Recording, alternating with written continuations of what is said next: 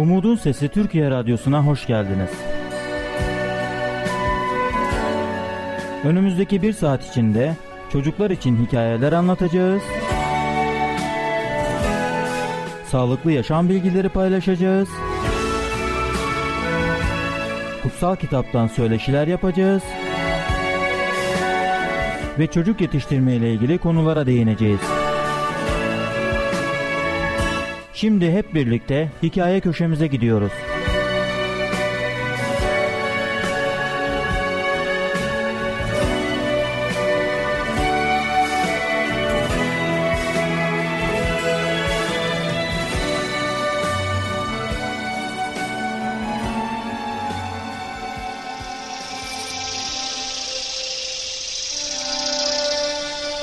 Merhaba arkadaşlar. Gelin gerçekler trenine binelim. Gerçeğe doğru biraz daha yol alalım. Bugün sizlerle paylaşacağım kutsal kitaptan hikayenin adı Lütfen Paltomu Getir. Hiç evinizden uzak bir yere seyahat ettiniz mi? Belki bir yakınınızı ziyaret etmiş ya da kampa gitmiş olabilir misiniz? Farklı bir yerde uyuduğunuz zaman nasıl hissedersiniz? Orada olduğunuz süre içerisinde herhangi bir paket ya da mektup aldınız mı? Eğer evden bir mektup alacak olursanız kendinizi nasıl hissedersiniz? Pavlus evden ve arkadaşlarından uzak olmanın nasıl bir şey olduğunu biliyordu. Dört taş duvar onu çeviriyordu. Çatıdan yukarıya doğru küçük bir pencere bu hapishane hücresinin karanlığını aydınlatmaya çalışıyordu. Üzerine oturduğu bu soğuk taş zemin onun vücudunun bir parçası olmuş gibi görünüyordu. Ayak bileklerinden aynı bir tehlikeli hayvan gibi yere zincirlerle bağlanmıştı. Fakat o tehlikeli değildi. O Pavlus'tu. Rabbin bir hizmetkarıydı. Pavlus yaşamının önceki yıllarında Allah'ın sözü olan İsa'ya inanan insanlara karşı gaddarca davranmıştı. Hatta onun emriyle bazıları taşlanarak öldürülmüşlerdi. Fakat Rab onu yaşamını değiştirdi ve Pavlus İsa'yı güçlü bir şekilde savuran kişilerden biri oldu.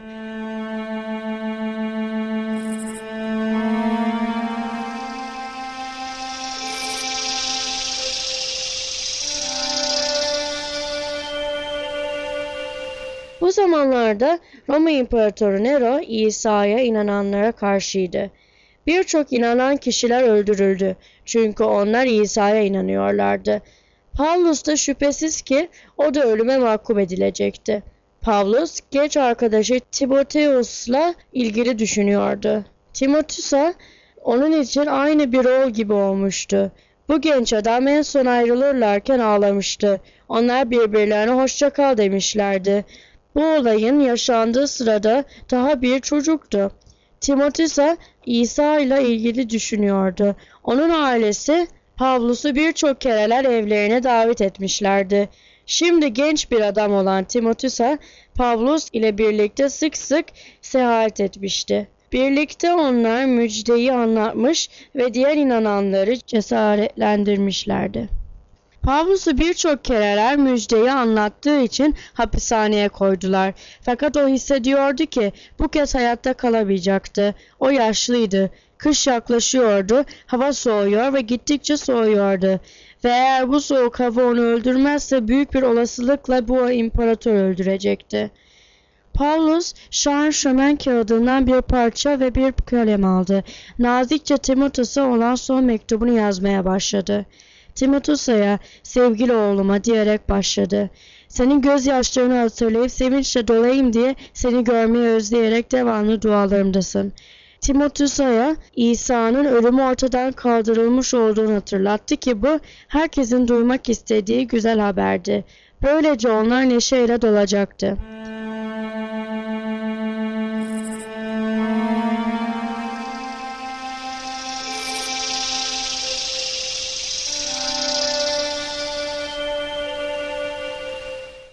Diğerleriyle bu müjdeyi paylaşırken çektiği acılardan dolayı utanç duymuştu.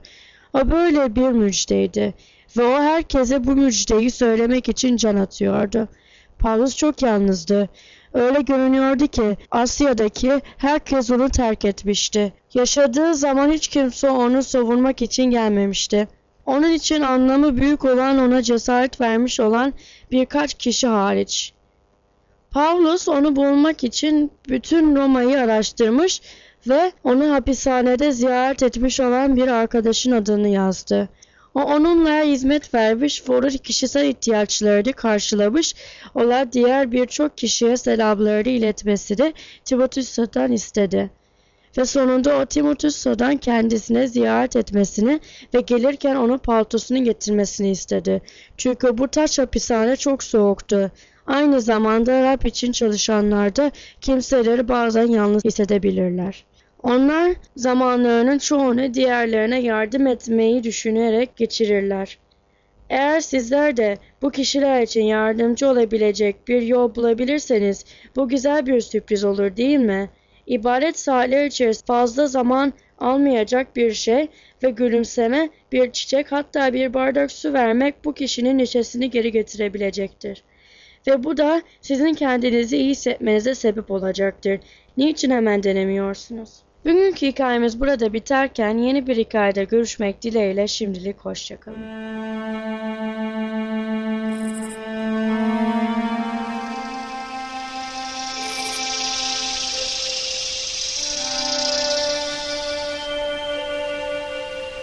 Merhaba sevgili dinleyiciler. Eyüp'ün sözlerine bu programımız süresince devam edeceğiz ve onun sözlerinden yeni dersler öğreneceğiz. Eyüp buna benzer çok şey duydum der. Oysa siz avutmuyor, sıkıntı veriyorsunuz. Boş sözleriniz hiç sona ermeyecek mi? Nedir derdiniz? Boyuna karşılık veriyorsunuz. Yerimde siz olsaydınız, ben de sizin gibi konuşabilirdim. Size karşı güzel sözler dizer, başımı sallayabilirdim. Ağzımdan çıkan sözlerle yüreklendirir, dudaklarımdan dökülen avutucu sözlerle yatıştırırdım sizi. Konuşsam bile acım dinmez. Sussam ne değişir? Ey Tanrı beni tükettin. Bütün ev halkımı dağıttın. Beni sıkıp buruşturdun. Bana karşı tanık oldu bu. Zayıflığım kalkmış tanıklık ediyor bana karşı. Tanrı öfkeyle saldırıp parçalıyor beni. Dişlerini gıcırdatıyor bana. Düşmanım gözlerini üzerime dikiyor. İnsanlar bana dudak büküyor. Aşağılayarak tokat atıyor. Birleşiyorlar bana karşı. Tanrı haksızlıkları teslim ediyor beni. Kötülerin kucağına atıyor. Ben rahat yaşıyordum. Ama Tanrı paraladı beni. Boynumdan tutup yere çaldı. Beni hedef yaptı kendini. Okçuları beni kuşatıyor. Acımadan böbreklerimi deşiyor. Ödümü yerlere döküyor. Bedenimde gedik üstüne gedik açıyor. Dev gibi üzerime saldırıyor. Giymek için çul diktim. Gururumu ayak altına aldım. Ağlamaktan yüzüm kızardı.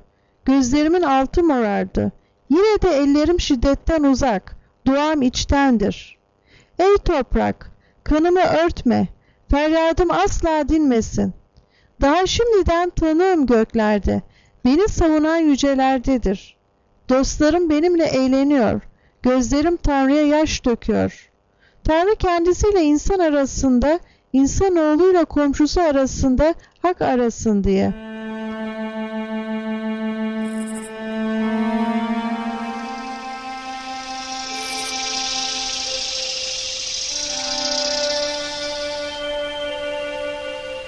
Çünkü birkaç yıl sonra dönüşü olmayan yolculuğa çıkacağım. Yaşama gücüm tükendi. Günlerim kısaldı. Mezar gözlüyor beni. Çevremi alaycılar kuşatmış. Gözümü onların aşağılamasıyla açıp kapıyorum. Ey Tanrı, kefilim ol kendine karşı. Başka kim var bana güvence verecek? Çünkü onların aklını anlayışa kapadın. Bu yüzden onları zafere kavuşturmayacaksın. Para için dostlarını satan adamın çocuklarının gözünün feri söner.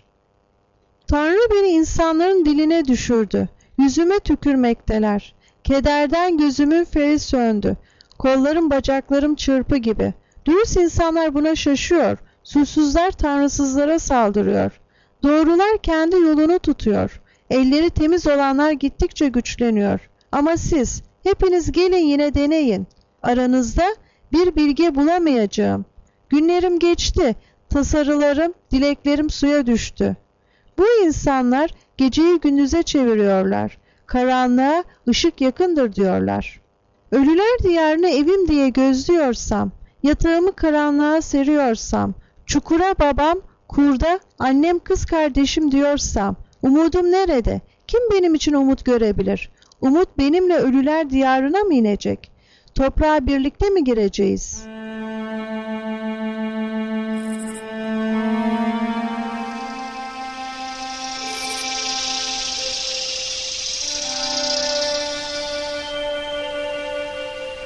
Eyüp'ün bu sözlerine karşı Bildad şöyle yanıtlıyor. Ne zaman bitecek bu sözler? Biraz anlayışlı olun da konuşalım. Niçin hayvan yerine konuyoruz? Gözünüzde aptal sayılıyoruz. Sen kendini öfkenle paralıyorsun. Senin uğruna dünyadan vaz mı geçilecek? Kayalar yerini mi değiştirecek? Evet, kötünün ışığı sönecek. Ateşinin alevi parlamayacak. Çadırındaki ışık karanlığa dönecek. Yanındaki kandil sönecek. Adımlarının gücü zayıflayacak. Kurduğu düzene kendi düşecek. Ayakları onu ağa götürecek. Kendi ayağıyla tuzağa basacak. Topuğu kapana girecek. Tuzak onu kapacak. Toprağa gizlenmiş bir ilmek, yoluna koyulmuş bir kapan bekliyor onu. Dehşet saracak onu her yandan, her adımda onu kovalayacak. Gücünü kıtlık kemirecek, tökezleyince felaket yanında biti verecek. Derisini hastalık yiyecek, kollarıyla bacaklarını ölüm yutacak. Güvenli çadırından atılacak, dehşet kralının önüne sürüklenecek. Çadırında ateş oturacak. Yurdunun üzerine kükürt saçılacak. Kökleri dipten kuruyacak. Dalları üstten solacak. Ülkede anısı yok olacak. Adı dünyadan silinecek. Işıktan karanlığa sürülecek. Dünyadan kovulacak. Ne çocuğu ne torunu kalacak halkı arasında. Yaşadığı yerde kimsesi kalmayacak. Batıdakiler onun yıkımına şaşacak. Doğudakiler dehşet içinde bakacak. Evet, kötülerin yaşamı işte böyle son bulur. Tanrı'yı tanımayanların varacağı yer budur. Evet sayın dinleyiciler, bir programımızın daha sonuna geldik. Yeni bir programda görüşmek dileğiyle. Şimdilik hoşçakalın.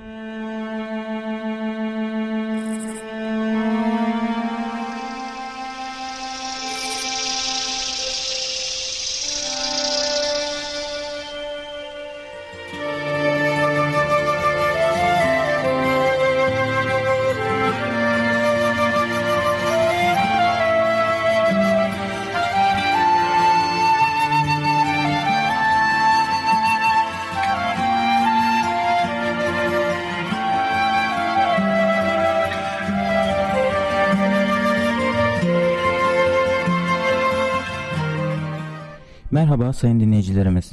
Bugün sizlerle Düşen Gölgeler ve Parlayan Görkem adlı konuyu ele alacağız. Matta 17.1.9 Altı gün sonra İsa yanına yalnız Petrus, Yakup ve Yakup'un kardeşi Yuhanna'yı alarak yüksek bir dağa çıktı. Onların gözü önünde İsa'nın görünümü değişti. Yüzü güneş gibi parladı. Giysileri ışık gibi bembeyaz oldu. O anda Musa ile İlyas öğrencilere göründü. İsa ile konuşuyorlardı. Petrus İsa'ya Ya Rab dedi. Burada bulunmamız ne iyi oldu. İstersen burada üç çardak kurayım. Biri sana, biri Musa'ya, biri de İlyas'a. Petrus daha konuşurken parlak bir bulut onlara gölge saldı. Buluttan gelen bir ses, sevgili oğlum budur, ondan hoşnutum, onu dinleyin dedi. Öğrenciler bunu işitince dehşet içinde yüzüstü yere kapandılar. İsa gelip onlara dokundu. Kalkın korkmayın dedi. Başlarını kaldırınca İsa'dan başka kimseyi göremediler. Dağdan inerlerken İsa onlara, İnsanoğlu ölümden dirilmeden gördüklerinizi kimseye söylemeyin diye buyurdu.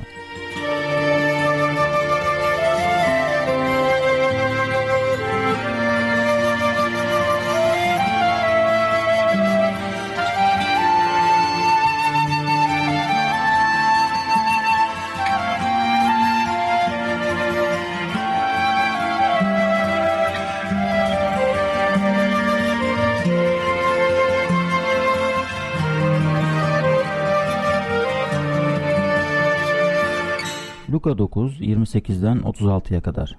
Mesih olması yakın bir kriz için elçilerinin hepsinin hazırlıksız olduğunu biliyordu. dini liderlerin artan muhalefet baskısı, vaftizci Yahya'nın idamı ve Mesih'in yakında karşılaşacağı acılar için yaptığı uyarısı, onları kötü bir şeylerin olacağı beklentisiyle karşı karşıya bırakmıştı. Bu yüzden göklerden gelen sesi de içeren ilahi gücün bu müthiş mucizesi, elçilerin önünde İsa'yı tasdik etmiştir. Bütün bu olanlar tabii ki onların imanını artırmış ve yakın gelecek olan denenmeler açısından güç kazandırmış olmalıdır.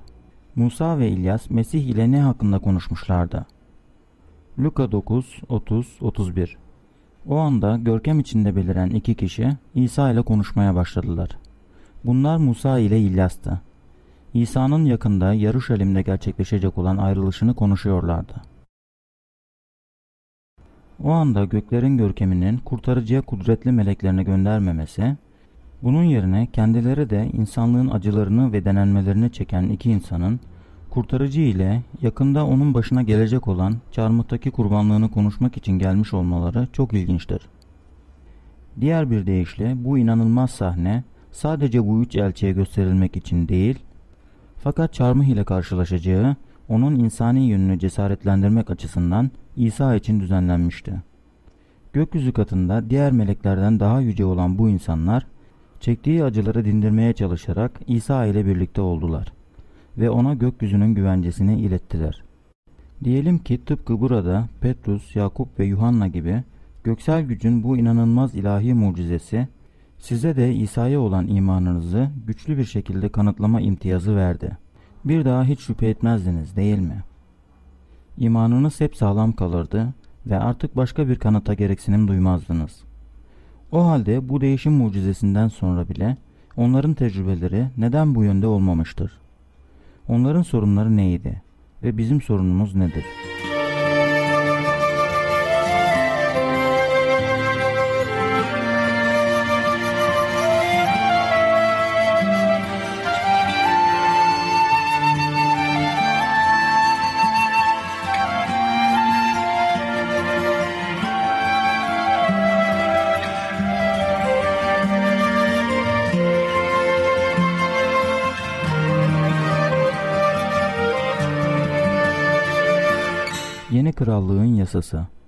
Matta 20, 25'ten 28'e kadar Mesih'in hizmeti zirveye doğru yaklaşıyordu.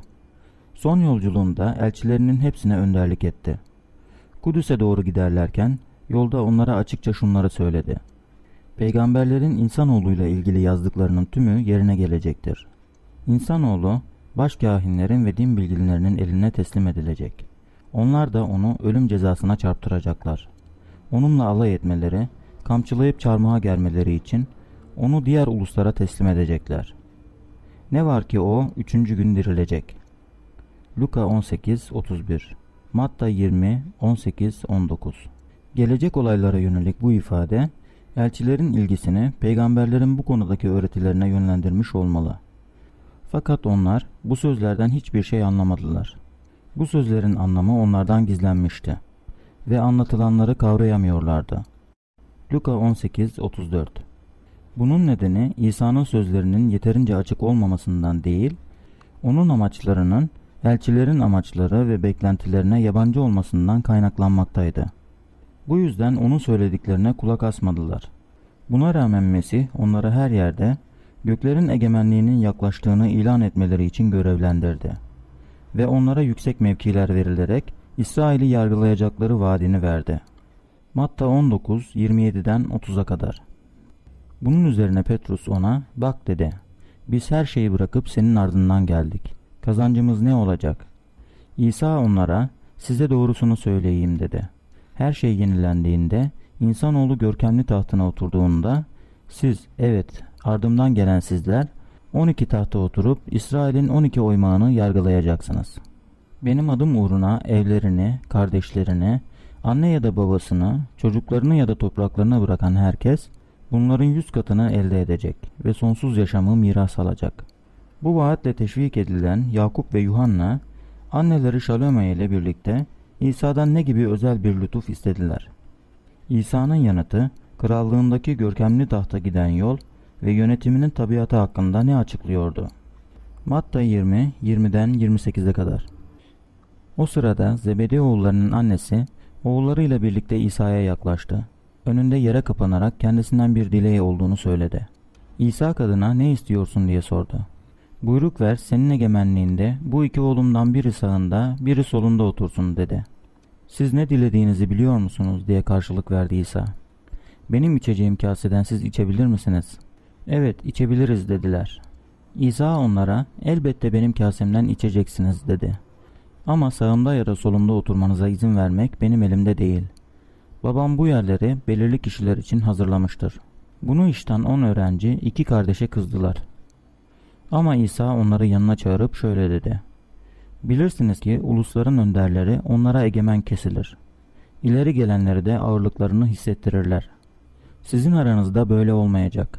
Aranızda büyük olmak isteyen ötekilerin hizmetkarı olsun. Aranızda birinci olmak isteyen ötekilerin kulu olsun. Nitekim insanoğlu hizmet edilmeye değil, hizmet etmeye ve canını birçokları için fidye olarak vermeye geldi.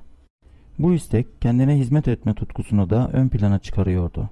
Fakat İsa kendi karakteri ve hizmetiyle uyuşmadı diye şan ve şöhrete imrendikleri için onları ya da annelerini azarlamadı. Tam tersine onların kalbinde içtenlikle duydukları sevgiyi ve onun gayesine olan bağlılıklarını gördü. Onların çarmıhın taçtan daha önce geldiğini görmelerini arzu etti. Fyodor Dostoyevski bir öyküsünde İsa'nın insan bedeninde dünyaya gelişini yazmıştı. Daha önce tutuklanmış ve neden geri döndüğünü, onlara ve planlarına neden müdahale ettiğini soruşturan yüce sorgulayıcı tarafından sorguya çekilerek hapse atılmıştı. Şimdi diyelim ki İsa beden olarak doğrudan sizin yaşamınıza adım atmış olsun. Hangi yönlerden size ve planlarınıza müdahale ederdi?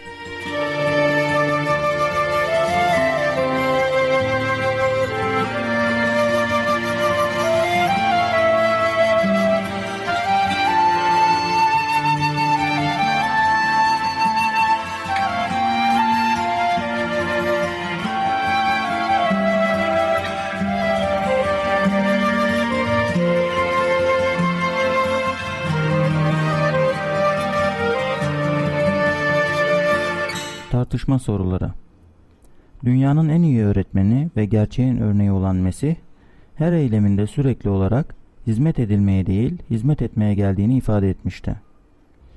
Elçilerin neden onun hizmetinin kendine adayan, kendini aşan tabiatını ve yaşamları için yapılan çağrıyı kavramakta bu kadar güçlük çekmişlerdi. Bu bize düşmüş insanlığın durumu hakkında ne söylemektedir? Bu ruh nasıl değiştirilebilir?'' Eğer Mesih insanlık onun hizmetini takdir etmedi diye asıl amacı ve karakteri konusunda elçilerinin algılama noksanlığından şikayet etseydi bu onun etkisine ve hizmetine nasıl tesir ederdi? Mesih'in yaptıklarından fazla şikayet etmeye ve yakınmaya hakkımız var mı? Bu genel ruh yapısı ve davranış tarzına karşı panzehir nedir? Yuhanna 15-11 Bunları size sevincim sizde olsun ve sevinciniz tamamlansın diye söyledim. Mesih'in takipçileri olan elçiler daha önceden bu konuda aydınlanmalarına rağmen çarmıh konusunda hazırlıksızdılar. Onlar ve onların ruhi durumları ile insan olarak biz ve ikinci gelişi bekleyen inanlılar topluluğu olarak aramızda ne gibi paralellikler görüyorsunuz? Bir programımızın daha sonuna geldik. Bir dahaki programımızda görüşmek üzere, hoşçakalın.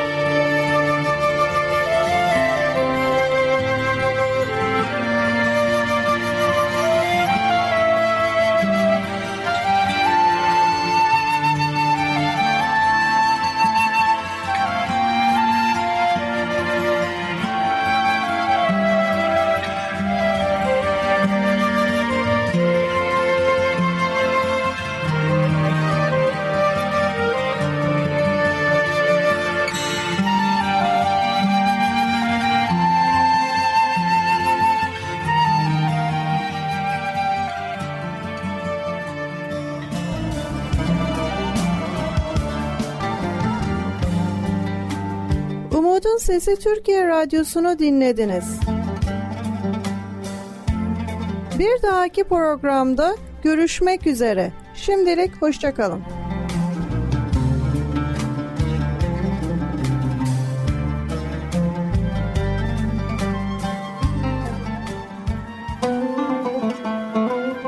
Değerli dinleyicilerimiz, Programlarımızı takip eden sizler için Türkiye'deki adresimiz Anadolu'dan programı Posta Kutusu 14 35440 İskele Urla İzmir.